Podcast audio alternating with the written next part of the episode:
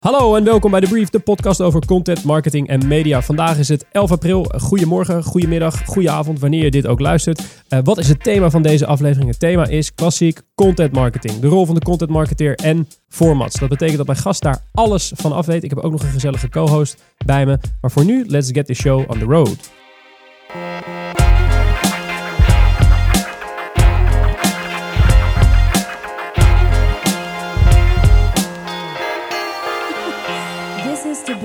Ja, dan zijn we weer terug in de studio op 11 april bij de allernieuwste aflevering van The Brief, de podcast over content, marketing en media. Aan mijn linkerhand zit de co-host en dat is een oude, vertrouwde, warme, zwoele, zachte stem. Mijn waarde collega Frank Goren. Hi Frank. Dag Mark. Hoe is het met je? Met mij gaat het lekker. Ja, heb je er zin in? Voel je de lentekriebels al een beetje opkomen? Uh, ja, ik geloof het wel, ja. Ja, oh, lekker man. Dat zouden ook de takeltjes kunnen zijn. Wat is de beste content die je de afgelopen twee weken hebt gezien? Um, dit kwam uh, bij me, ik zag het via AdAge. Uh, een prachtige campagne van Carl's Juniors.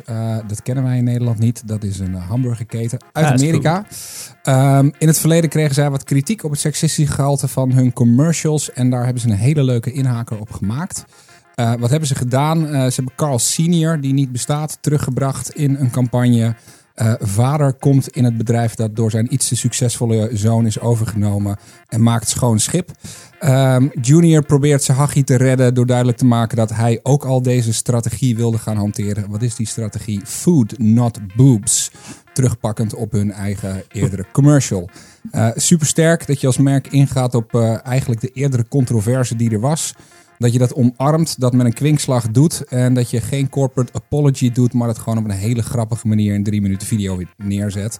Uh, ga die video kijken. Er zijn weinig commercials van drie minuten die ik uh, tot drie keer toe met veel plezier heb bekeken. Tof, ik ga hem bekijken. Aan mijn, uh, aan mijn rechterhand zit, uh, geen tweede co-host, zit de gast. Uh, dat is Aart Lensing, begonnen als journalist bij mijn geliefde Nieuwe Revue. Werkte voor AD, de reclamevakpers, maakte televisieprogramma's. Maar richtte 21 jaar geleden LVB Networks op. Content marketingbureau, doen PR, doen social media, doen videomarketing. En daarna schreef hij ook nog eens een boek over formats, The Next Step in Content Marketing. En zijn meest recente boek, Aan de Slag met Content Marketing. Nu net de tweede druk in, als ik me niet vergis. Aard? Correct. Helemaal goed. Hoe, hoe is het met je? Het gaat goed. Ik heb net een week vakantie gehad, dus uh, ik zit lekker in mijn vel. Oké. Okay. Waar ben je geweest? Uh, Marokko. Oké, okay. lekker. lekker. Hoe was, was het weer in Marokko? 32 graden. 32 graden. Ja, dus je moest wel weer een beetje wennen toen je terugkwam. Ja, onder de parasol gezeten met een stapel boeken en uh, even niks gedaan. Lekker. Lekker. Is het, uh, is het de eerste keer dat je te gast bent in een podcast? De allereerste keer. Kijk eens. Luister je podcast? De uh, Brief uh, met name. Nee, maar steeds meer. Je, wij, wij, maken ook podcasts. Je ziet dat het als genre populair begint te worden. Het is hartstikke leuk, zeker in de auto. Zet hem aan of in de trein. Ik rijd dan niet per trein, maar meer auto. En ja, het is heel lekker om even een uurtje te luisteren. Maar dat geldt eigenlijk voor mij ook met die langere interviews van Seven Ditches TV van uh, Ronnie Overgoor. Die gebruik ik als podcast. Die uh, luister ik gewoon. Zet je gewoon op de audio op en dan... Uh... Daar hoef ik het gezicht niet bij te zien. Precies. Nee.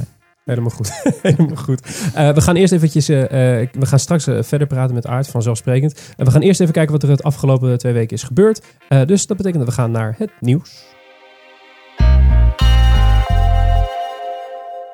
Ja, het eerste nieuwsitem van, uh, van deze aflevering. We hebben op de redactie van de brief heel lang lopen discussiëren van moeten we het hier nou wel of niet over gaan hebben. Want ongeveer iedere marketing uh, website en uh, medium stond er helemaal vol mee met, met dit debakel of dit, deze rampzalige ontwikkeling in de, in de mediawereld of in de advertisingwereld moet ik zeggen. Frank, ja, Verte vertel, waarom gaan we het er toch over hebben en waar gaan we het over hebben? Uh, we gaan het ten eerste hebben over Kendall Jenner en Pepsi. Uh, normaal vermeld ik uh, de bron van dit nieuws, maar ik kan hier zo'n beetje ieder kanaal en ieder vakblad kan ik hier aanhalen. Ja. Korte toelichting voor mensen die de merken niet kennen. Pepsi is een B-merk cola. En Kendall Jenner, mocht u haar niet kennen, dat is een beroemd persoon, omdat haar zus ooit de assistent was van een beroemd persoon. Die beroemd was omdat haar opa een hotelketen startte. Oftewel, Kendall Jenner is de zus van Kim Kardashian. Ja, die ken ik. Ja, dat dacht ik al. Um, nou, het in-house creatieteam van Pepsi kwam met een video waarin een uh, quasi-spontane protestmars van veel te mooie mensen zonder duidelijk doel met allerlei borden met peace signs de straat op gingen. Um, daarna komt Kendall in beeld. Die doet spontaan mee, loopt op de ME af en uh, ja, sust eigenlijk de grimmige sfeer door de ME'ers een colaatje aan te bieden. En toen kwam er wereldvrede. Um, dit is echt, echt een dramatisch slechte video. Uh, dat vond de hele wereld. Uh, Pepsi heeft vervolgens de video teruggetrokken, heeft een corporate apology uitgestuurd. en daarmee leek de kous een beetje af. Ehm, ja, slechte video, slechte campagne, dat kan gebeuren.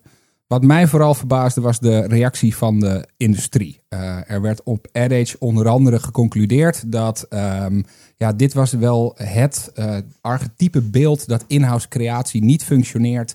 Dat inhoudcreatie dood is, dat je hier een bureau voor nodig had gehad, dan was dit nooit gebeurd. Uh, en ja, dat gaat mij veel en veel en veel te kort door de bocht.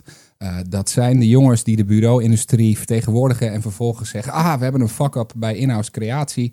En dus is in-house creatie uh, afgeschreven. Ik kan je vertellen, er zijn heel wat bureaus geweest die fuck-ups hebben gemaakt. En toen heeft nog nooit de industrie gezegd: reclamebureaus zijn dood en afgeschreven. Um, ja, het is een incident. Ja, dit is niet al te best. Uh, er zijn voordelen om met in-house creatie te werken. Er zijn nadelen aan werken met in-house creatie. Maar om nou op basis van één incident met de hele industrie te roepen dat in-house creatie niet werkt, dat is precies waarom ik het toch nog even wilde aanhalen. Lijkt, lijkt me ook een beetje overdreven. Ik dacht trouwens dat Kim Kardashian uh, van, van, een hele, van een heel ander dingetje bekend uh, was geworden. Ja, maar over dat Vrienden soort... van mij vertellen me wel eens dat ze in een videootje zat. Uh, die gaan we overigens niet in de show notes zetten voor u. Uh, maar Art, heb jij deze veelbesproken uh, commercial, heb je hem gezien? Ja, twee keer bekeken. En ja, mijn rot gelachen, wat ik erg me ook bont en blauw aan dat het soort idee, hè, dat, dat beoogt feel good iets op te roepen. Maar het is gewoon een, een matig idee, slecht uitgevoerd. En tegelijkertijd moet ik ook heel hard lachen om dat, dat het in de industrie inderdaad zo'n issue wordt. Want ik heb net nog even de beurskoers van Pepsi Cola erbij gehaald. Uh, er is niks mee gebeurd. Die is gewoon omhoog gegaan de laatste dagen. Uh, vijf jaar geleden op 60 dollar, nu op 110 of 111 dollar. Daar gebeurt helemaal niks mee. Het is ook een rimpeling in de vijver voor zo'n merk. Dus ook zo'n corporate apology. Is net als met Volkswagen. Iedereen onder de indruk. Het moesten allemaal, er zijn nog nooit zoveel Volkswagens verkocht. Dus wat wij allemaal heel belangrijk vinden in ons vak en waar we eindeloos over kunnen lullen. het is dus niks in de gewone mensenwereld. Het, uh, dit vervliegt ja. Er is niks aan de hand. Prachtige navelstaarderij. Eh, dat is het. Ja. ja. En uiteindelijk zo. Maar wel een slecht filmpje hoor. Wel echt uh, Het was, het was, ik vind het knap dat je hem twee keer hebt bekeken. Het was, het nou, ik ging op zoek naar dingen waar ik me nou aan had zitten ergeren. Maar dat zit dan in de oogopslag van mensen, dat, dat, die nepacteurs. Ja. En, uh, Iedereen was mooi. Dat zie je bij de gemiddelde march. Nee, als je bij de gemiddelde march loopt, uh, de antifascisten voorop met nog wat mensen. Dat is niet echt aantrekkelijk. En dit waren allemaal modellen.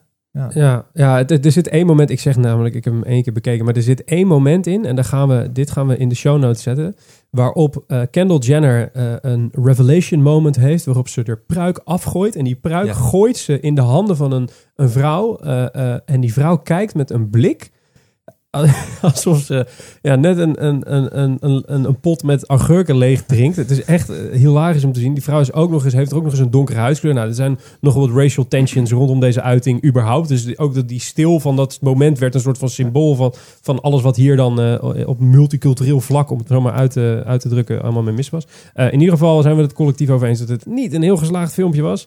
Uh, en we zijn het er ook over eens dat dit absoluut niet het failliet uh, betekent van in-house creatie. Daar gaan we het over straks in het en interview. Ook niet van Pepsi. En ook absoluut niet van PepsiCo. Nee, tuurlijk niet. Uh, maar het, het, het tweede uh, nieuwsitem van, van deze week komt bij ons via Mashable. En het gaat over Mastodon. En dan, dan hoor ik u denken, wat is Mastodon? Nou, Mastodon is het nieuwe social network. Want daar hadden we er nog niet genoeg van. Opgericht door een meneer die heet uh, Eugene Rashko. Of Rachko. Of nou, in ieder geval een 24-jarige oude uh, kerel die, uh, ja, die denkt dat hij een nieuw social, social network, dat de wereld dat nodig heeft. wat is Mastodon? Mastodon is een gratis open source met een chronologische timeline levend social network. Een soort Twitter zonder advertenties, zeg maar.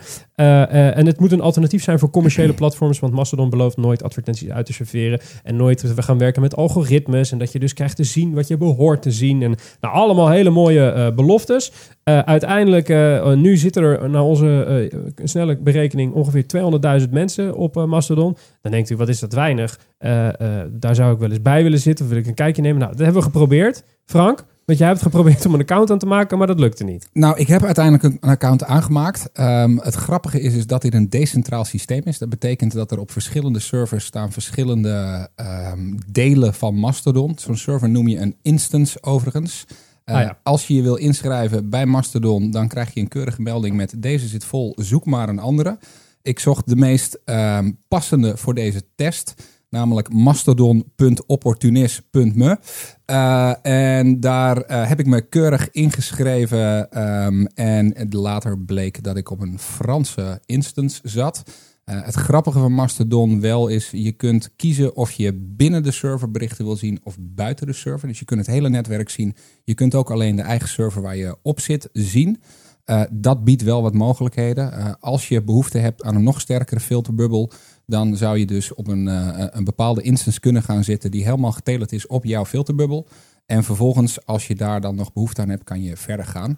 Uh, er zitten wel wat voordelen aan Mastodon. 500 karakters in plaats van 140. Er zit geen monetization model op. Ze zeggen dat ze met 800 dollar uh, ja, eigenlijk crowdsourcing of crowdfunding met micropayments, dat ze daarmee de boel draaiende kunnen hebben. 800 dollar per maand. 800 dollar per maand. Dat, dat bedrag halen ze ook al binnen.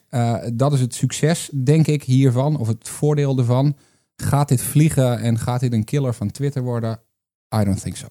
Nee, Nee, want natuurlijk die kosten van 800 dollar, dat, dat blijft niet 800 dollar op het moment dat dit extreem gaat groeien. Ik bedoel, je kan misschien nu met een servertje van 800 dollar waar 200 mensen, 200.000 mensen komen, ja, eh, fijn, dat red je wel. Maar als je features wil gaan toevoegen om die mensen allemaal binnen te jengelen, dan gaat het allemaal meer geld kosten. Uh, we, hebben, we hebben screenshotjes, heb ik even bekeken. Het, ziet er een beetje uit als TweetDeck, hè? Ja, die, die third-party Twitter app. Daar, daar, lijkt het een beetje op. En je tweet niet, maar je toet. Zeg je, dat goed? Je toet, inderdaad. Je toet, op je toet. Uh, ja, ik heb, ik heb, er al één verstuurd. Je hebt al één toet. Wat stond er in je toet? Uh, Hello World. En ik denk dat het daarbij blijft, want de gemiddelde Fransoos zal die toet voor mij niet begrijpen. Nou, een klassieke opener, openingszin voor een social account. Ja, waarschijnlijk Precies. was het... Hallo. Ja, waarschijnlijk, was het ook, was, waarschijnlijk was het ook gewoon de default tekst die al in je standaard toet uh, stond. het, deed, het deed ons een beetje denken aan, aan, aan Ello. Dat, dat ook een beetje dezelfde belofte had. Het social network wat ongeveer twee jaar geleden, of wat was het, drie jaar geleden gelanceerd. Wat, dat is nu ook ja, een beetje verdwenen. Of er zijn wel mensen, maar er gebeurt niet zoveel mee. Het zijn in ieder geval geen uh, Twitter, Facebook of, uh, of Instagram killers voor de for all that matters. Ter vergelijking Twitter, wat, wat veel mensen voor dood verklaren, heeft zo'n 315 miljoen maandelijks actieve users. Zijn over het algemeen niet super actief, want 40% daarvan stuurt maar één tweet per maand. Maar schwa, vergelijking met 200.000 mensen actief op dit nieuwe Mastodon. Het is nog geen Twitter-killer, laten we het daarbij houden. Uh, Aard. Zou, nee, ik zit er nog niet op. Je zit er nog niet nee, op? nog net niet. En als we het zo uitleggen aan je, klinkt het dan iets waarvan je denkt, nou, geen ads en geen algoritmes? Nou, ja, dat, dat, zou heel interessant kunnen zijn. Ik ben op social gebied nooit een early uh, adopter, denk ik, uh, geweest. En dat zal ik ook niet worden. Er zitten bij ons op het kantoor heel veel mensen die alles proberen. Maar ik, uh, ik voeg in op het moment dat het wat is en dat, dat ik mensen tegenkom die relevant zijn voor mij en die ik leuk vind en waar ik wat mee heb. Maar de gedachte weer van een social network wat commercieel niet zo zwaar belast is uh, en een uh, eeuwige zoektocht zoekt naar het, het grote geld. Dat spreekt uh, wel aan en ik kan me voorstellen dat mensen daar steeds weer naartoe bewegen. Totdat ze wel een model voor monetization ja. nodig hebben, omdat ze allemaal hele dure hippe mensen aan boord krijgen die allemaal applicaties ontwikkelen. Ja, ja dat is een beetje de spagaat waar ze, waar ze in verkeren natuurlijk. Ja, ik, ik, verwacht, ik, ik weet ook niet of de belofte van een advertentievrij social network, of dat nou de belofte is waarmee je mensen over de streep gaat trekken dit zou moeten betekenen dat Facebook namelijk leeg zou moeten lopen bij de vleet. Want dat is overspoeld met commerciële uitingen ten opzichte van wanneer ze, waar, ze vandaan komen. En, het en, en, men blijft er gewoon hangen. Dus men neemt de features, uh, uh, ja, die wegen zwaarder dan de commerciële uitingen. Nou, anyway, we zullen het zien of we massaal ongelijk hebben en over een half jaar allemaal op Mastodon zitten. Dat zien we dan allemaal dan wel. Dan is Frank in ieder geval bij deze een early adapter. Hij steekt zijn handen omhoog, helemaal goed. Het laatste nieuwsitem van deze aflevering komt van een fastfoodketen in combinatie met een spelcomputersfabrikant. Ja, um, het wordt een beetje flauw. Ik heb al eerder aan fastfoodketens gerefereerd. Ik ja. heb ook, ook, in deze serie al eerder over Burger King gehad. En we hebben net gegeten. En we hebben net gegeten. Maar Burger King, uh, leuke stunt uh, in Spanje. Uh, wat doen ze daar? Ze werken binnen het domein van PlayStation 4. ze hebben daar clans opgericht. En die clans gaan jou in de game helpen en je order opnemen. Uh, wat moet je je daarbij voorstellen? Er zijn dus spelers die in een Burger King clan zitten. Uh, jij speelt in die game. Uh, je krijgt een pijl in je rug van een vliegende draak of zoiets. Ik ben geen gamer, maar laten we dat uh, even als uitgangspunt nemen. je wordt geholpen, je wordt geheeld door een speler van de Burger King clan. En nadat hij je geholpen heeft, gaat standaard afgesloten worden met: Do you want fries with that? Uh, fantastische stunt. Uh, ze bieden dus eigenlijk gewoon de mogelijkheid aan om uh, ja, in-game je order via voice bij die clan neer te leggen. En dat wordt vervolgens ook bij je bezorgd. Um, dat haakt een beetje in op de aflevering met Brechtje de Leij. Met in tijden van het Internet of Things um, wordt het steeds belangrijker op relevante plekken je commerciële boodschap te kunnen verkondigen. Wordt het misschien ook wel moeilijker om op die plekken überhaupt relevantie te hebben of daar te zijn. Uh, en daar haken ze hier een beetje mee op in. Uh, je kan je afvragen of dit een lasting model is of dat het slechts een stunt is om Burger King onder de aandacht te brengen. In beide gevallen leuk. Uh, en je ziet dat meer partijen hiermee spelen. Vorige maand kwam Pizza Hut met sneakers, waar je met de sneakers direct je pizza kunt bestellen. Nou, daar zijn we ook even ingedoken. Er blijken maar 64 paar van die sneakers te bestaan. Er is gewoon een nieuwe uh, Pizza Hut app. En om die te promoten, om rechtstreeks te kunnen bestellen, hebben ze deze sneakers gemaakt. Uh, daar gaan niet veel mensen sneakers, of sorry, pizza's mee bestellen. Ik denk dat die binnenkort op eBay voor heel veel geld te koop staan. Juist. Nou hoop ik niet dat die via eBay all, over the world verspreid worden. Want dan krijgt die pizza nog een hele lastige distributievraag. Maar het is wel een interessante manier hoe, hoe dus Burger King voice gebruikt om conversie te sturen, bijna via, via zo'n gaming kanaal. Ik weet toevallig dat uh, uh, onze, onze gewaardeerde techneut Kevin, die heeft nooit een microfoon, zoals u weet. maar dat is een, dat is, die is lid van de redactie van pixelcake.nl. Dat is een gametitel. Kevin, bij wijze van duimpje omhoog, duimpje naar beneden, is dit een goed idee? Ga, ga jij straks, als jij de mogelijkheid krijgt, een pizza bestellen met je voice terwijl je in een potje Call of Duty zit te spelen? Nee, Kevin niet. Hou je niet van pizza of is het gewoon een principe ding? Oh, pizza vind je prima, maar je vindt het gewoon een, een kut idee eigenlijk. Ja, precies. Aard, ben je een gamer? Nooit geweest. Nog? Als kind niet? Nee, nee, nee, nee, helemaal niet. Maar wel grote bewondering voor. En zeker als merken proberen in die gameomgeving wat te doen, dat vind ik fantastisch. Want ik denk wel dat je daar hè, de massa kunt bereiken en ook op een hele leuke, relevante manier iets kan toevoegen aan een, uh, aan een gameervaring. En zeker voor merken die inhoudelijk niet zo heel veel te vertellen hebben, is dat de manier om relevant en leuk te zijn en aardig gevonden te worden. Dus dat zie ik er wel in. Maar de gedachte van bestellen dan weer wat minder. Want ik denk dat je gewoon, als je honger hebt, dan bestel je gewoon de kortste. En dan neem je de kortste route.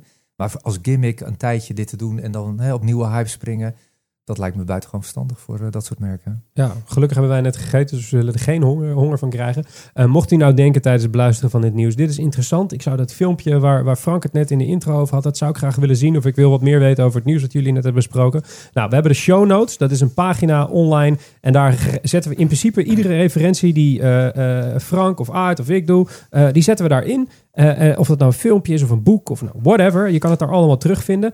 Die kan je vinden op wayneparkerkent.com slash podcast. Dat is spellingwise en lengthwise een hele ingewikkelde URL. Daarom staat er een direct linkje in de beschrijving van deze podcast. Dus waar je deze podcast ook luistert, op je podcasts app of uh, op Pocketcast, op Android of wherever. Uh, je klikt gewoon in de beschrijving van deze podcast, druk je op en dan ben je met één druk op de knop op de, op de show notes pagina en daar vind je alle informatie handig op een rijtje. Dat geldt dus ook voor alle informatie die we straks op gaan noemen, want we gaan nu naar het interview. Goed, zijn we terug in de studio. Nog steeds met Aard. Hi Aard. Heb je naar zin? Zeer. Helemaal. Biertje erbij. Biertje bij. Mag, mag ik dat zeggen? Ja, is toch ontspannen? Ja, natuurlijk. Ja, mag. Ja, mag. water ook. Ja, lekker. Hey, um, uh, we zaten uh, te denken, waar, waar kunnen we nou mee beginnen als we het gaan hebben over content marketing met je? Uh, je hebt ooit gezegd in een, ooit, een maand geleden zei je op Adformatie, wij bij LVB Networks denken graag zelf na en reageren niet op alle hypes. Weet je nog dat je dat ja, gezegd hebt? Ja. Kan je een hype noemen in binnen content marketing wereld waarvan je zegt, nou, dat is nou een hype waar iedereen zo heftig op reageert, maar dat is eigenlijk allemaal een hype. Eigenlijk. Nou, dat, zijn de, het is aan de lopende band natuurlijk. Uh, komen er hypes voorbij waarvan wij ook zeggen van moeten we daar wat mee? Uh, gaan we erop inspringen? Maar in het algemeen volgen we onze eigen koers. Maar ja, op social media, op videogebied. Hè, wij, wij zijn ontzettend lang al met video bezig. Maar er worden dan op video bepaalde vormen van video bijvoorbeeld gepromoot.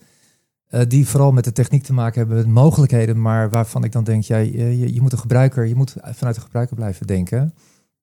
En uh, dat zijn wel dingen waar wij van dan zeggen, nee, doen we niet. Gaan en we niet over, over 360 vertical? Ja, weet je, de, uh, lekker mee oefenen, leuke dingen doen. Maar het is niet de, de, de, conventies zijn net, niet voor niets conventies. Een manier van verhalen vertellen, dat, dat verandert niet zo. Dus heel veel dingen doe je even om met een merk iets leuks te doen. En je ontdekt het met elkaar om het dan vervolgens vaak weer weg te leggen. En te zeggen, nou, dat, is, uh, dat, dat pas je een keertje toe, is schijnig. Maar niet om volwaardig de hele tijd in te zetten en te adviseren. Ja. Is het dan ook zo dat je het uh, als LVB Networks naar je uh, klanten toe zo kadert? Zo van, dit is, oké, jullie willen graag iets met 360 video, maar dit is even experimenteren en daarna gaan we weer... Uh... Nee, zeker als ze dat zo vragen. Kijk, de, uiteindelijk liggen de resultaten niet. Als iets goed is en het is briljant en het voegt iets toe, dan, dan moet je er zeker mee doorgaan. Maar als klanten zelf komen met van wij willen met een bepaalde nieuwe techniek of op een nieuwe social omgeving, wij moeten en wij willen dat, dan gaan we wel eens even de discussie aan van nou ja, weet je, ik wil zoveel, maar het moet wel iets toevoegen en je budget is niet uh, oneindig, dus je wil en je moet keuzes maken. Ja. En dan is het niet altijd de beste keuze om achter elke hype aan te lopen. En zeker niet als je een, uh, een bank bent, een verzekeraar en zo. En je doelgroep zit er helemaal niet zo op te wachten. Dat jij gekke bokkensprongen maakt. En, en is er, een, is er in, die, in dat hele spectrum van de hypes, is er eentje die je nu al als volslagen kansloos uh, kan verklaren? Nou, help me even, noem eens een paar waarvan jij denkt van nou, die, die, 360, uh, 360 video, een, virtual reality, augmented reality, uh, chatbots. maar met virtual reality, dat, dat is iets van... Hè, 25 jaar geleden was dat ook al een dingetje met handschoenen aan en proberen. En het is niet voor niks dat het maar niet doorbreekt. Ik denk, dat geldt ook voor uh, het interactief verhalen vertellen samen met je doelgroep. Dat, dat, is, dat is niks. Dat wordt niks. Je kunt zeggen, nee, we gaan een verhaal en dan gaan de lezers bepalen wat de volgende stap wordt. Joh, wie wil dat? Niemand. Het is al zo vaak geprobeerd, het is niks, het wordt niks. Er gaat heel veel geld soms in om, om allemaal verhaallijnen dan te bedenken, klaar te zetten, kunnen mensen stemmen. En het wordt niks. Dat is niks, omdat dat niet past bij de menselijke natuur. Ik denk dat mensen wel nieuwe dingen omarmen die, makkelijk, die het leven makkelijker maken. Applicaties die het leven eh, sneller bestellen. Daar geloof ik heilig in. Dat, dat blijft maar niet in de, in, in de verhalen vertellen, de contentkant. Nee. En in lijn met waar we het net over hadden, die navelstaarderigheid. Denk je dat... Ja, dat is in ons vak uh, tot piramidale hoogte uh, ontwikkeld. En we zijn heel erg bezig met het vak steeds nieuwe namen geven. En het is mijn persoonlijke uitdaging om alles weer proberen simpel te maken. Dat je, en met content marketing kun je de, de, honderden termen erbij trekken. Maar in die end heb je gewoon publiek nodig wat ergens naar kijkt, ergens op klikt en bij jou in de winkel komt. En dat moet je niet ingewikkelder maken. Dat is, dat is een paar stappen. Hè. Dat begint ergens en dat eindigt ergens. En dat maken we wel eens met elkaar wat ingewikkeld, denk ik. Ja, ja en, en met LVB Networks ben je, je bent natuurlijk al 21 Jij jaar... zegt altijd LVB, dat vind ik heel aardig, maar eh, wij zeggen nog gewoon LVB hoor. Maar, LVB? Ja. ja dat, maken we de LVB van. Nee, maar dit, uh, we hebben heel grote internationale ambities, maar het, het komt maar, van Lensing van Berkel en dat is gewoon... Dat maar het is wel Networks dan? Ja, dan had je het netwerk moeten doen. Netwerk? Nou, ja, dat klinkt eigenlijk ook niet. We hebben ooit een bedrijf overgenomen, een bedrijfje, een tv-productiebedrijf, dat heette Networks Unlimited. En wij ah. heten Lensing van Berkel. En ja, we zijn heel creatief, allemaal namen bedenken, maar dat eindigde gewoon in LVB Networks. En dat hebben we een beetje aan elkaar geplakt en dat is een beetje gebleven. Dus... LVB Networks. Ja, maar wat jij wil, hè? Het is, het is nee, jouw show. Ja, kijk, het is, het is, jij bent directeur, jij, jij bepaalt hoe je, hoe, hoe je het noemt. Dus we maken er LVB Networks van. Uh, dus alles wat ik hiervoor heb gezegd, uh, neem het eventjes met een korreltje zout. Uh, als, je, als je kijkt naar um, trends die doorzetten, ik kan me voorstellen dat je je begon eigenlijk met content marketing bijna 21 jaar geleden. Toen bestond het woord al bijna nee. niet. Weet je, dat is ontstaan terwijl jij al in dat, in dat, in dat werkveld zat. Um, met die kennis in het achterhoofd, is er, een, is er een trend die je nu ziet die wel door gaat zetten? Nou, wat je ziet met content marketing, hè, uh, een paar jaar geleden was de hele gedachte van always on content, heel erg op zoekvolume en dat soort dingen. Dat, dat is, was absoluut de core van, uh, van content marketing dat paste niet alleen erg bij de tijd, maar ook met het speelveld. Hè. Alles kon nog vastgelegd worden. Als jij als klusbedrijf, als praxis, hele goede content maakte en always on neerlegde online, hè, dan werd je de nummer één. Nou, er is geen domein meer te vinden waar dat is. Dus je ziet wel een structurele verschuiving naar, ik noem het maar, campagne-content. Dus dat je met wat betere content en wat uniekere content, uh, zeg maar, iets op gang brengt. En dan na een kwartaal dat afbouwt en dan na een kwartaal weer met iets nieuws begint. Dus dat heeft heel veel van de campagnetechniek uit de advertisingwereld. Alleen je doet het met, als, met content als brandstof in plaats van met een advertisingboodschap. Dus we, we, we, groeien als vakgebieden wat naar elkaar toe, maar wij gebruiken dan content als de brandstof. En dat gaat wel een beetje ten koste van Always On, omdat die markt gewoon ram vol zit. Internet zit vol met how-to video's en daar kom je niet meer bovendrijven. Maar het lijkt een beetje alsof dit een, een terugkerende discussie is de afgelopen periode in het vak.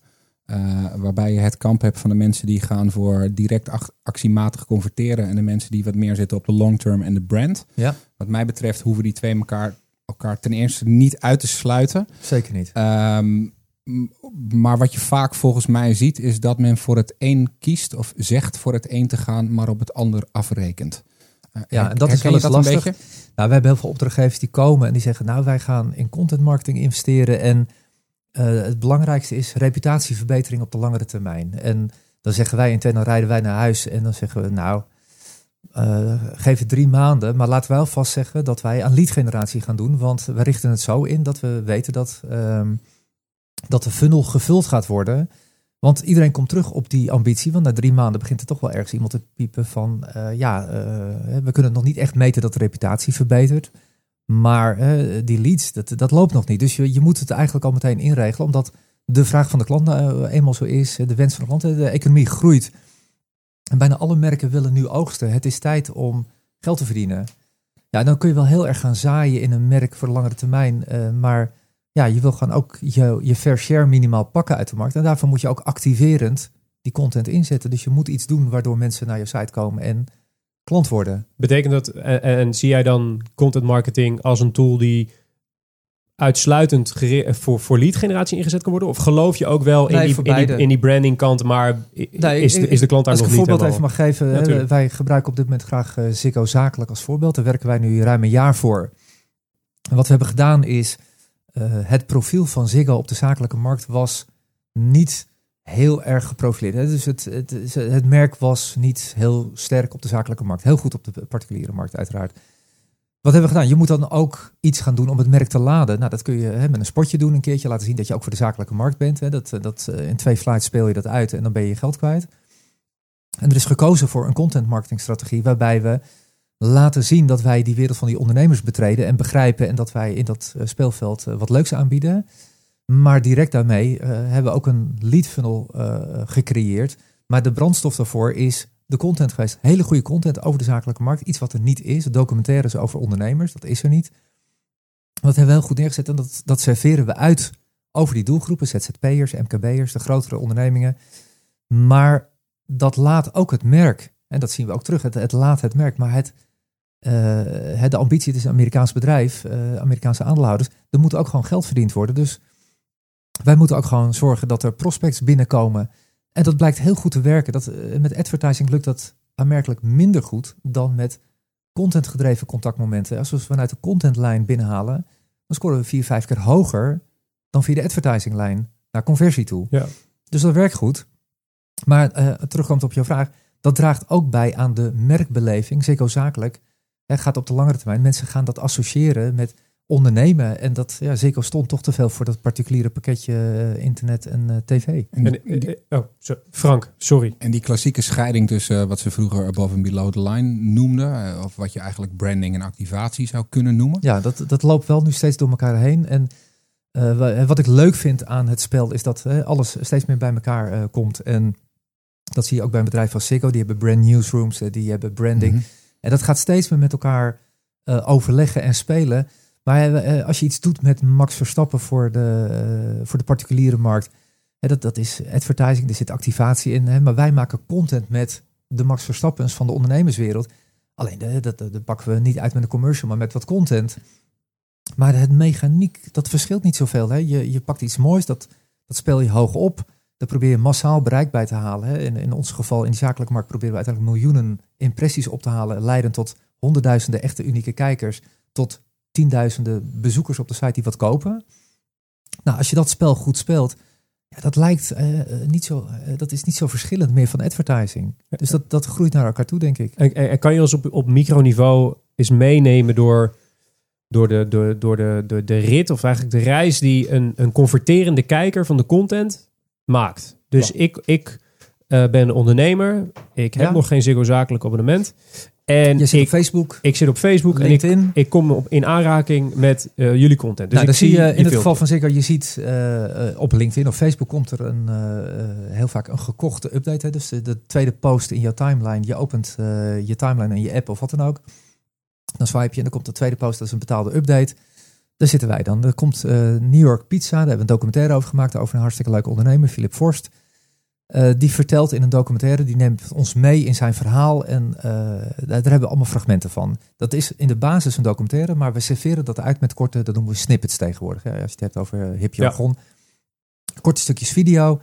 Die zie je in je timeline met een headline. En als je denkt, hey, dat spreekt mij aan, je klikt daarop. Dan, hè, dan kun je twee dingen nog doen. Laat je dat, ga je die content nog helemaal consumeren in die social timeline. Dat is wel de trend. Dat je niet altijd naar een platform gaat en het social platform verlaat. Maar dat je uh, mensen daar houdt. Of je gaat mensen laten doorklikken. Hebben mensen op geklikt, kijken ze dat uit. Dan vangen we die mensen eh, via gewoon cookies. Dat je weet van wie zijn het. En dan ga je ze retargeten. En wat we dan doen is die mensen zorgen die er één keer op geklikt hebben. Dat we die op een leuke manier gek maken totdat ze klant zijn. En je kijkt gewoon waar ze op klikken, wat ze bekijken. Die eerste content is die inspirerende content. Dat is die Philip Forst van New York Pizza die wat vertelt over franchise formule, over zijn eerste winkeltje wat dan ook. Die prikkel heb je. Daarna gaan we mid-funnel content uitserveren. En dat wil zeggen dat je al wat meer toe gaat van, joh, als je een New York Pizza uh, wil je bestellen, of wil je zo'n winkeltje runnen, dan heb je internet nodig. Want je hebt 100% bedrijfszekerheid nodig op internet. En dan serveer je dat uit en dan kijk je klikken ze daarop. En dan krijg je de aanbieding drie maanden voor, weet ik veel wat, krijg je de aanbieding. En, en, dat converteert. En, en, en, dan ben ik Ziggo zelf. Eh, op wat ga ik LVB Networks dan afrekenen? Op een aantal uh, KPI's, hè, die, die zoektocht, die, die hebben we natuurlijk met alle klanten van, uh, wij moeten vaak zelf de KPI's schrijven. En die hebben we ook met Ziggo geschreven met elkaar. Maar uiteindelijk zeggen we van boven naar beneden, wij zeggen bijvoorbeeld, we willen, ik noem wat, 2 miljoen impressies halen met een stuk content uit zo'n contentcampagne. 2 miljoen contacten. Uh, zoveel duizend uh, views. Dat zijn metrics die aan de mediakant zitten. Hoeveel mensen wil je bereiken, kijken, uh, klikken, et cetera. En vervolgens kun je ons afrekenen op hoeveel mensen komen op een landingspagina. Waar je ons niet op kan afrekenen is de propositie concurrerend. Hè. We proberen wel te kijken, kunnen we de content laten aansluiten op de propositie. Maar als zij drie maanden lang alleen maar een propositie hebben, drie maanden voor, voor de prijs van twee maanden of drie maanden gratis of wat dan ook en mensen vinden die aanbieding niet relevant of het eh, product niet relevant, daar kun je een bureau niet meer op afrekenen. Je kunt het bureau wel afrekenen op komen er voldoende in de funnel die sales qualified zijn. En als je, als je kijkt naar die media metrics, uh, wij, wij, zijn het, wij zijn zelf natuurlijk een content marketing agency uh, en een uitgeverij in één eigenlijk. Als we kijken naar het beleid wat nu binnen onze uitgeverij gevoerd wordt, mhm. is dat er een bepaalde shift is gekomen naar we kijken naar page views en impressies. Dat is eigenlijk een beetje veranderd naar we kijken naar dingen als time, time on site, site ja, uh, pages, time spent, ja. time spent, pages per session, doorkijkpercentages, dat soort dingen. Is dat, is dat in dit geval ook zo? Of, nee, de, de lijst met metrics is gigantisch. En het aardige is, we hebben toevallig net een paar weken geleden een hele uitgebreide sessie gehad, mediabureau erbij, alles geanalyseerd. En dat doen we met alle klanten. En dan kijk je gewoon met uit welke metrics kun je nou wat lezen. Kijk, waar je voor moet oppassen met alle KPI's, is dat je niet uh, drie linkjes in een stukje content plaatsen en dan bij drie linkjes gaat onderzoeken. Uh, je moet niet te gedetailleerd gaan als het gaat om lage aantallen. Je moet op hoofdlijnen kunnen koersen. Maar er hoort een, een mother of all KPI's boven alles te hangen. En dat kan zijn reputatieverbetering, klantengroei of wat dan ook. Je moet streven naar een hele belangrijke eerste KPI. En de rest is ondersteunend. En ja, daar moet je handigheid in krijgen om die dashboards te lezen. En wij halen er heel veel uit, want je kan ook bijsturen op de content natuurlijk. Je kan zoveel halen uit als mensen uh, na 10 seconden wegklikken, dan weet je dat je opening van je video niet goed is. Nou, dat, uh, dat heb je dan vaak al wel gezien. Maar je moet dat uit metrics, daar moet je wel wat mee doen dan. Ja. En, en hoe, je, je hebt het net over één belangrijkste KPI. We hadden het net al even over wat kan het bijvoorbeeld voor een merk voor je doen. Wat voor ons uitzonderlijk belangrijk is om naast die Google Analytics bijna in ieder verhaal te zeggen Neem ook onafhankelijk kwalitatief onderzoek mee, want dat is de enige manier eigenlijk waarop je reputatie kan onderzoeken. Uh, en juist content leent zich daar heel goed voor. En je ziet dat dat ook in, in, in cijfers heel goed aantoonbaar is wat dat voor, uh, voor brand ja. doet. Uh, nemen jullie dat mee of is het vooral het dashboard waar je naar kijkt? Nou, het dashboard is voor je day-to-day business het belangrijkste en die reputatieonderzoeken. Kijk, wij werken ook voor ABN AMRO. Mm -hmm. En die reputatiemetingen, dat is natuurlijk heel moeilijk om terug te destilleren dan van wat is dan onze bijdrage van een bepaald team geweest? Kijk, als, als meneer Zalm, die nu weg is, maar als die iets zegt over de rente of uh, hij maakt een slippertje, dan kan het zijn dat die merkreputatie zakt en dan, dan sta je met je contentbedoelingen. Hmm. Dus dat is moeilijk te meten. Dus wat we kunnen meten waar wij verantwoordelijk voor zijn, dat vind ik het allerbelangrijkste. Maar bovenlangs is het natuurlijk voor het merk, voor de merkeigenaren, uh, de all-over uh, perceptie van het merk en de waardering voor het merk, de allerbelangrijkste. En daar leveren we een bijdrage aan. Maar het is niet de enige bijdrage. De service. dat, dat, begrijp ik. Maar ik, ik denk dat uh, wat je zegt is heel waar. Hè? Je kunt op een reputatie heel veel dingen doen. En dan uh, laten we een subway nemen, dan uh, doet je, je eigenaar doet hele gekke dingen en gaat de gevangenis in. Dan, daar kan je niet tegenaan communiceren. Maar je kunt wel AB testen tussen mensen die exposed zijn tot je content of mensen die dat niet zijn op hetzelfde moment. En als je dat goed kan meten, en dan is het wel, ik ben wel ontzettende liefhebber van marktonderzoek, maar ook heel kritisch altijd op mhm. kwalitatief marktonderzoek, omdat mensen, hè, de, de, neiging tot sociale wenselijke antwoorden is heel groot. Het is, dus ik vertrouw vaak meer op de harde metrics dan op de wat mensen zeggen metrics. En dat is ook met Pepsi Cola. Als mensen niet allemaal zeggen, ja, Pepsi is in mijn achting gedaald, maar ze blijven kopen, dan hè, wat is het dan waard? Die uh, dingen. Dus dat, die AB-testen geloof ik ook wel in, maar dan wel uh, het liefst online meetbaar en niet kwalitatief marktonderzoek in uh, groepsessies en dat soort dingen, daar ben ik niet van. Nee, nee de, kleine, de kleine groep in een focusgroepen. In een focusgroepje. Hou op, dat, uit. Dat even niet. En, en uh, als we het over die metrics hebben, en uh, we hebben het dus eigenlijk, nou laten we het de vanity metrics even buiten beschouwing. Maar als we het over die bereiks- en die media metrics hebben en over die ja. conversie metrics, hoe zie je de rol van het mediabureau en dat stuk en, en jouw rol versus die van het mediabureau? Ja, dat is een, um, ja, een haat-liefde moet ik eerlijk zeggen. Met, met mediabureaus, wij, wij werken met z'n allemaal samen. En dat gaat eigenlijk over de hele linie goed. Maar je merkt wel, zij zitten over het algemeen iets anders in de wedstrijd. Hè. Wij zitten uh, natuurlijk heel direct, gewoon wij kijken naar het beste resultaat. En zij zitten altijd met dat hele spel met die media-exploitanten met andere uh, bril op te kijken. Omdat dat uit hun historie zo gegroeid is, dat hun expertise daar ligt. Ik ben niet zo'n grote fan van media partnerships bijvoorbeeld. Zij wel. En dat, dan krijg je heel erg veel discussie over wat voegt de persgroep, BNR. Nou, je kan alle namen opnoemen. Hè, die voegen uh, soms iets toe, soms iets niet. Maar ze zijn per definitie, die Nederlandse spelers, relatief duur. Mm Vergeleken met de grote Amerikanen, met, met Google, Facebook, uh, LinkedIn. Omdat je daar gewoon je bereikspositie zelf kan inregelen. Je kan zelf van de knoppen zitten. En dan ga je langs zo'n uh, ding. Die mediabureaus die hebben daar een bepaalde invloed op. En daar, dat levert wel eens knokpartijen op, omdat je daar de media-exploitanten vaak te veel ruimte uh, geeft, of die eisen die op, om met dat merk dingen te doen die niet in het belang zijn van het merk, maar vooral in het belang van de media-exploitant. Ik, uh, ik herken de haat-liefde verhouding wel een beetje. Als ik mhm. nu even op de stoel van die advocaat van de duivel van de mediabureaus ga zitten. Um, je, Arno Peperkorn refereerde er onder andere aan. Al, alle data komt eigenlijk tegenwoordig samen bij het mediabureau. Ja. Eh, dan zou je kunnen stellen, ehm, met al die data in hand en als beheerder van het budget, doen zij geen zaken die niet waardevol zijn of die niet afrekenbaar zijn. Um, hoe, hoe, zie je dat dan? Want het, het, lijkt alsof je zegt. Ja, maar dat is de theorie in de praktijk. Ik denk dat zij, eh, weet je, heel veel mediabureaus en je hebt de goede en de slechte. Ik denk dat mm -hmm. een bureau's Mindshare heel ver is. Er zijn heel veel bureaus die hartstikke goed zijn. Stroom vind ik een heel goed bureau. Maar de theorie is dat er heel veel data samenkomen. De praktijk is dat gewoon de media-exploitanten nog steeds komen met aanbiedingen, aanbiedingen, aanbiedingen. Die worden doorgespeeld. En als er iets van verliefdheid is op het medium of op directieniveau of waar dan ook, dan voor je het zit je met NRC Media aan tafel voor een hele slechte bijlage en uh, een online uh, omgeving die, ja, die een klein beetje bijdraagt, heel veel kost, maar je vooral heel erg ophoudt in je strategie. En dan daar zit dat mediabureau dan wel tussen op een bepaalde manier met een advies en ondanks alle data en dan gaan ze het goed praten met van uh, ja, uh, zoveel bereik en uh, oplagen hoog en zo. Maar ja, daar kopen we dus niks voor. En, en, en zie, jij, zie je het dan als een. als het, stel, jij hebt een, een perfecte wereld, zie je dan zo'n exploitante route in, de, in het distributiemodel van je content? Want daar hebben we het in principe over. zie je dat als, een, als het aan jou ligt, dan liever niet en dan liever alleen maar uh, social uh, en display en, en programmatic en, en, en, die hoek? Eigenlijk zeggen we vaak bij media-exploitanten, bij de grote Nederlandse media-exploitanten, die hebben natuurlijk maar online maar een heel klein deel nog van de markt. Maar wat we zeggen is, en daar hebben we ook gesprekken over gevoerd met een aantal partijen, ook met andere bureaus.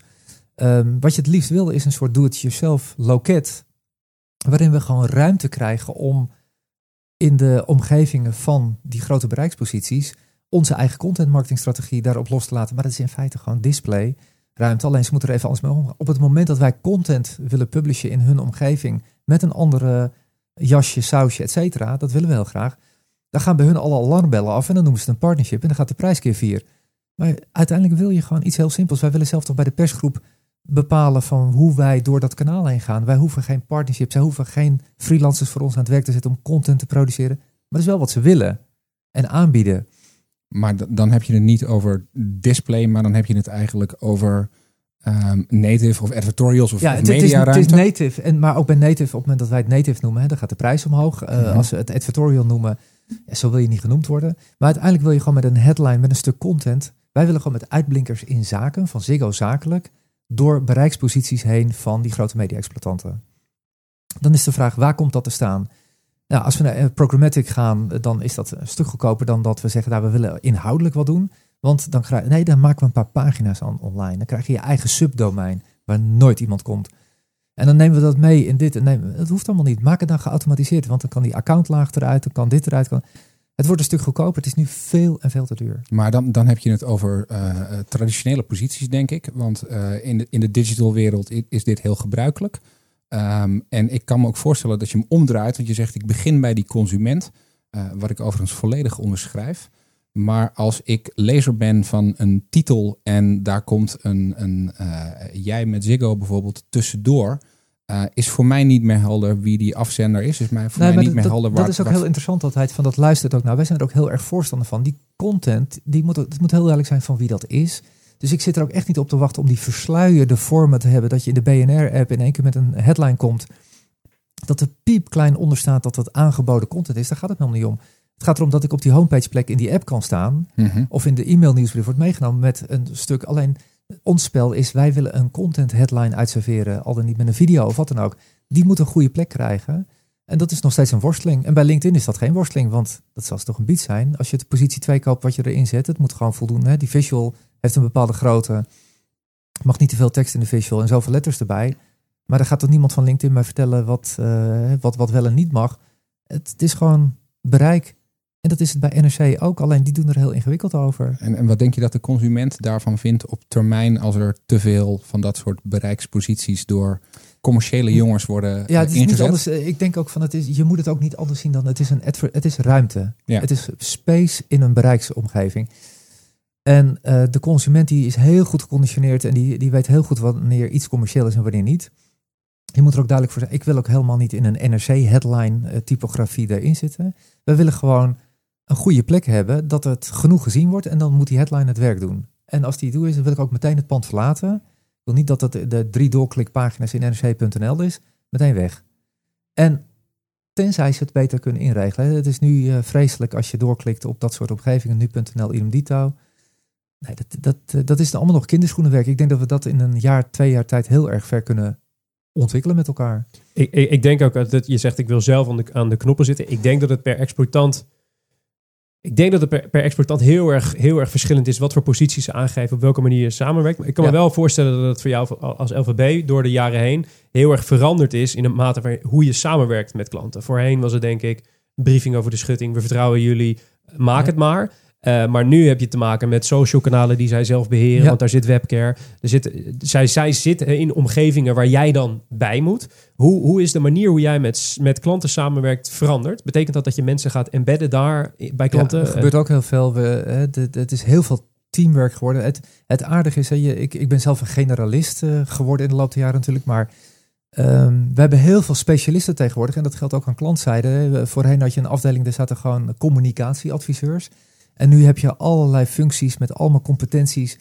En dat heb je ook nodig om met al die specialismen met elkaar samen te werken. Dus wat je krijgt is uh, um, soms best wel complexe overlegstructuren. Die proberen we eenvoudig te maken. Maar je wil met elkaar gewoon in een hoog tempo door kunnen. Uh, en daarvoor moet je allemaal aan de knoppen kunnen zitten. Maar niet alle klanten, en zeker niet bij banken, hè, die geven ons niet de sleutel van al die social kanalen. Dat gaat niet. Was het maar zo'n feest? Was het maar zo'n feest. Maar dan, dan krijg je ook de webcare toestanden erbij. Maar je, Um, je wil wel met elkaar weten van wat zijn de beste momenten om content uh, uit te serveren. En ook van uh, als er wat op terugkomt, wie reageert erop en hoe pakken we dat aan. En, uh, maar dat is wel een enorm team effort. En wij werken over het algemeen voor grote klanten met grote teams aan klantzijde en van. Maar er zitten heel veel mensen van ons regelmatig dagen aan klantkant om daar samen te werken. We begonnen deze aflevering met, met Kendall Jenner, Pepsi en, en co-creatie. Ja. Zijn er in co-creatie zaken waarvan jij zegt, uh, die moet je bij voorkeur in eigen beheer in huis houden als klant? En zijn er zaken waarvan je zegt, die zou ik eerder uitbesteden aan de externe professional? Nou, bij alles geldt, ik denk dat voor heel veel uh, van die zaken die in huis worden gehaald, er zitten ook vaak een bedrijfseconomische reden achter. Dan zeggen ze, oké, wij laten content maken door een bureau en dan opgeteld kost het ons, ik noem wat 5 of 10.000 of 15.000 euro per maand daar kunnen we makkelijk iemand voor aannemen. Die gaat dat dan zelf doen. En dan kom je erachter dat na zes maanden, als iemand denkt, ja, ik doe dit nu zes maanden. ik wil wat anders, of ik word te ziek, of ik, uh, ik ga eens weg. Dan krijgt ze een organisatievraagstuk erbij. En dat is een van de redenen weer om het vaak terug te koppelen naar het bureau.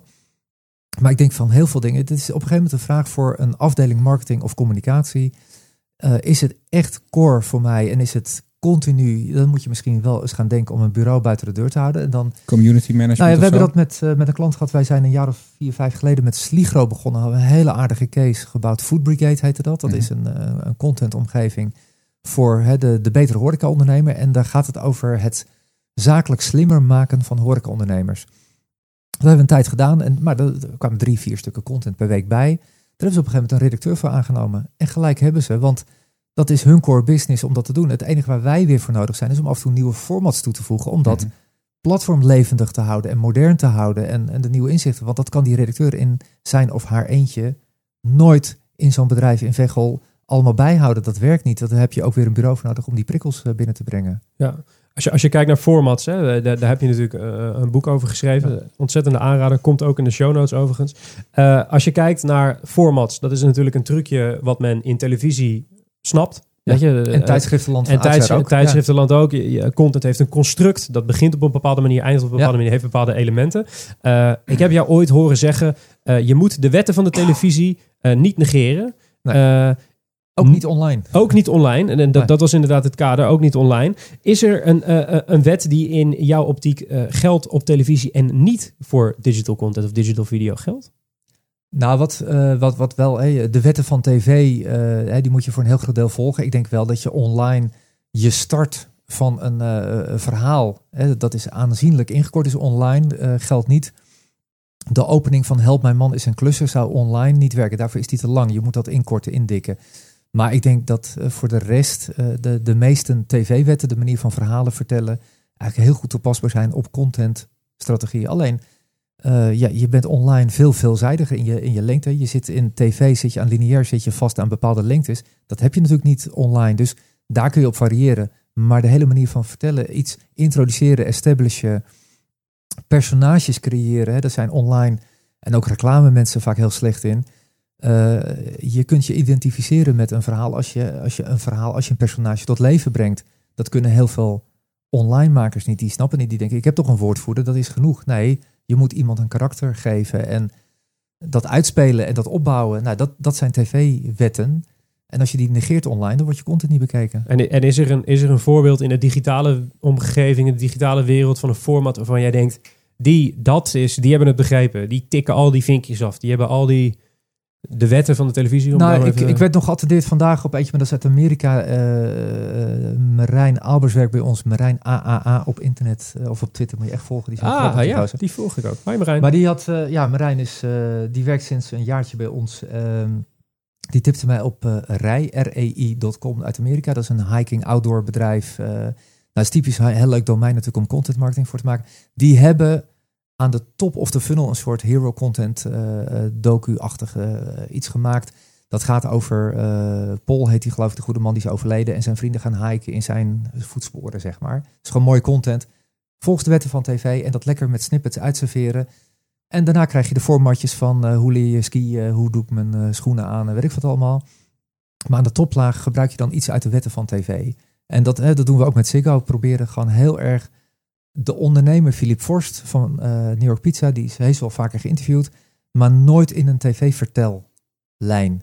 Nou, en als je dat goed doet, dan is daar publiek voor. En dan, uh, dan kun je dat online heel goed gebruiken. Ja, het lijkt bijna dat we tot de conclusie komen in deze, ik geloof, elfde uit, uh, aflevering van de podcast. Dat als je iets goeds doet met, uh, met guerrilla's, dan moet je in de fastfood zitten.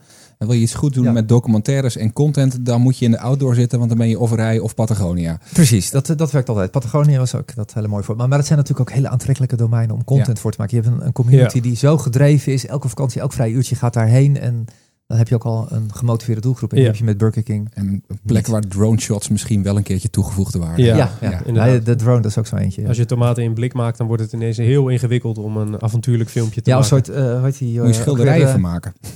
ja, dat schijnt, nog, dat schijnt te werken. Ja. De beroemde column uit van, uh, hoe heet die, van Kuiper heet hij. Hoe heet hij nou, die reclamemaker? Van Alfred.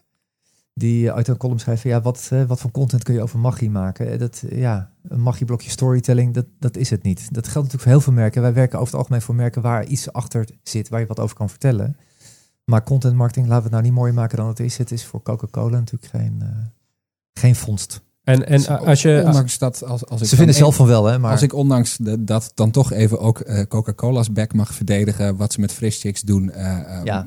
ja, dat is goed. Dat is allemaal heel gekunsteld. En ik, uh, ja, het is niet. Het, het is advertising gedreven, gekunstelde vormen. En dat je ziet, je moet er elke keer impulsen geven. Terwijl als je echt goede content marketing maakt die op langere termijn houdbaar is, dat is toch wat summum, vind ik. Hè? Dat kun je in campagnes weliswaar uitserveren, maar goede inhoudelijke content ja, dat, dat, dat kan Coca-Cola niet. Je moet elke keer iets grappigs bedenken. En dat, dat blijft dus ideetjes pompen. Ja, ik, ik denk dat dat wel past bij de doelgroep. Want dat is Fris Chicks voor wie het niet weet. Dat is het, het YouTube-kanaal, het YouTube ja. uh, uh, content brand wat, uh, wat Coca-Cola is ge, gelanceerd. Of heeft gelanceerd een tijd geleden. Gericht op, op millennials en, en Generation Z. Nou, die, die, die zijn nogal snel afgeleid en hebben veel nieuwe impulsen nodig. Dus ik kan me voorstellen dat je elke keer met nieuwe dingen moet komen om dat allemaal een beetje aantrekkelijk te maken. als, je, als je zelf kijkt naar, want we zijn aanbeland bij, en dat is verdomd snel gegaan bij de laatste vraag van het interview. Wat is de beste content die je hebt gezien afgelopen twee nou, weken? Ik, ik had uh, dat, dat, dat voorbeeld heb ik net gegeven. Dat vond ik echt heel goed, omdat dat een dat voorbeeld van Rij uit Amerika, ja. dat vind ik echt fantastisch gedaan. Ehm, maar van de, er komt heel veel content voorbij en ik, ik, ik, wilde, ik wil absoluut niet zuur doen en zo, maar ik vind dat er heel veel contentcampagnes en zo zijn gewoon niet heel erg goed. Er wordt heel veel gemaakt. Maar de beste content die wordt helaas uh, nog steeds gemaakt bij hè, Wayne Parker Kent. En, maar bij clubs, bij, bij de publishers. En de bedrijven die content maken, die zijn natuurlijk op een handje te tellen die dat echt heel goed doen. Dus ja, uh, de, de voorbeelden die ik had en heb, dat, uh, dat zijn toch wel een beetje de cliché voorbeelden, ben ik bang. En er zit ook ons eigen werk bij, waar ik het verder niet over wil hebben, want daar hebben we het al heel uitgebreid over gehad met Ziggo. Maar het, de zoektocht naar de goede cases, ook met de awardshows, is elk jaar weer is best wel een uitdaging om goede cases te vinden met hele gave content. Dus ik, ik wil het even houden bij dat voorbeeldrij. Zoek dat even op, is echt fantastisch. Kijk, dat gaan we, dat gaan we zetten in de show notes. Aart, hartstikke bedankt voor je komst naar de studio. Graag gedaan, vond het leuk. Hoe was het als Feyenoorder in Amsterdam weer even? Nou jongens, laten we daar nog even twee minuten over hebben. Jeetje, die spanning. Hè? Ja, ja. Nee, maar ik vind het, uh, weet je, ik ben blij, ik ga over vijf minuten de stad weer uit. En uh, jullie blijven hier. Maar jongens, nee, het wordt een mooi slot van de competitie. We, we, gaan, we gaan kijken of we aan het einde van het seizoen nog, uh, nog, nog vrienden zijn. Nee, Hartstikke bedankt nogmaals. Uh, we, we, zien je graag een keer terug. Uh, en een fijne reis terug naar Amersfoort. Dankjewel. Deze podcast is een initiatief van Wayne Parker Kent. En bij Wayne Parker Kent zijn we altijd op zoek naar talenten die ons kunnen versterken. De openstaande vacature van deze week is Front-End Developer. Kijk voor alle vacatures op wayneparkerkent.com slash jobs of klik op het linkje in de show notes van deze aflevering. Yes, zijn we terug in de studio. U denkt, wat duurt het lang? Maar we hebben hier een vondst op. We, we, hebben het interview wat langer gemaakt. En, en de laatste rubriek, of de enige rubriek die we hebben, de Slow Win Quick Loss, die hebben we iets veranderd. Die heet namelijk vanaf deze aflevering de Slow Win. Dus we gaan het alleen maar over positieve dingen hebben. Uh, dat gaat Frank doen, of de co-host die hierna komt, Matthijs of Thomas. Uh, Frank, take it away. Yes, uh, we hadden het over formatting en dan kunnen we hier eigenlijk niet omheen. Ook al is hier veel over gezegd en geschreven. ik ben persoonlijk niet zo'n fan van prijzen en de prijzen in onze industrie. Maar naar mijn mening zijn, uh, is er één team creatieven dat dit jaar echt een prijs verdiende en er met kop en schouders bovenuit steekt. Waar heb ik het dan over? Zondag met Lubach. Uh, gelukkig dit jaar ook eindelijk beloond met wat het verdient. Heel veel views.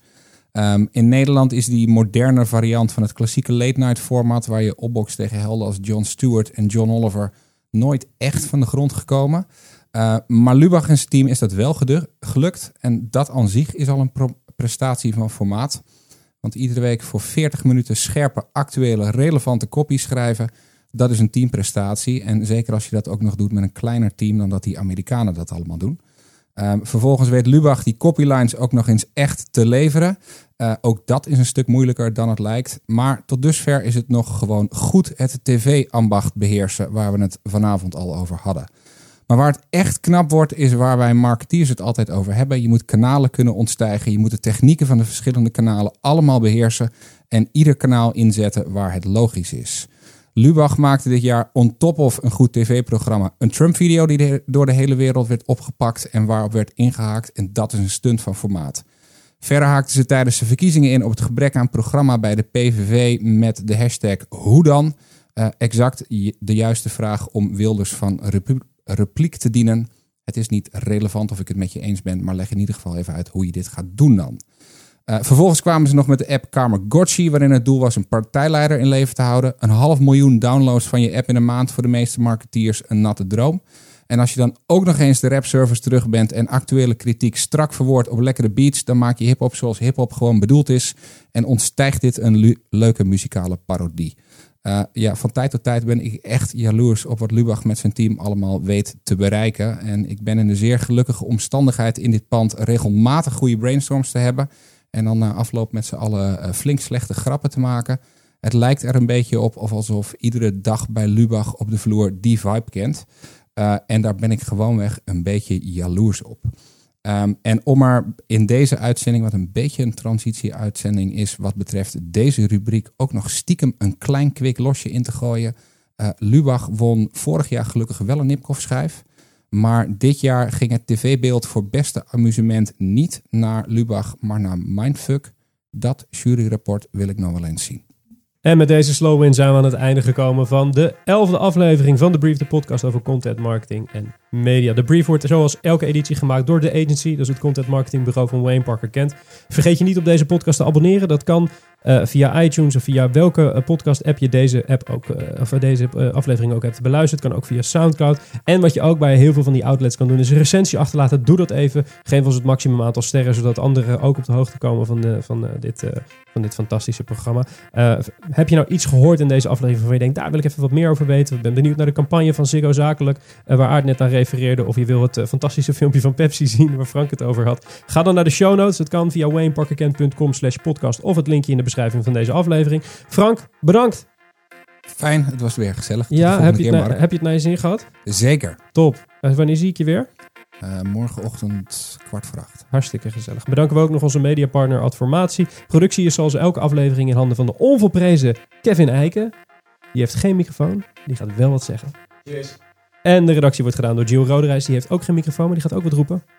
En cheers van Jill. Special thanks nog aan Matthijs Stierman en Thomas Rozenkamp. De volgende editie is over twee weken. Dan is Fleur Willemijn van Bijnem te gast. Die zwaaide de content scepter bij onder andere Unilever, eBay en Deltaloid. Doet nu hele interessante dingen bij ABN AMRO. Daar gaan we het met haar over hebben.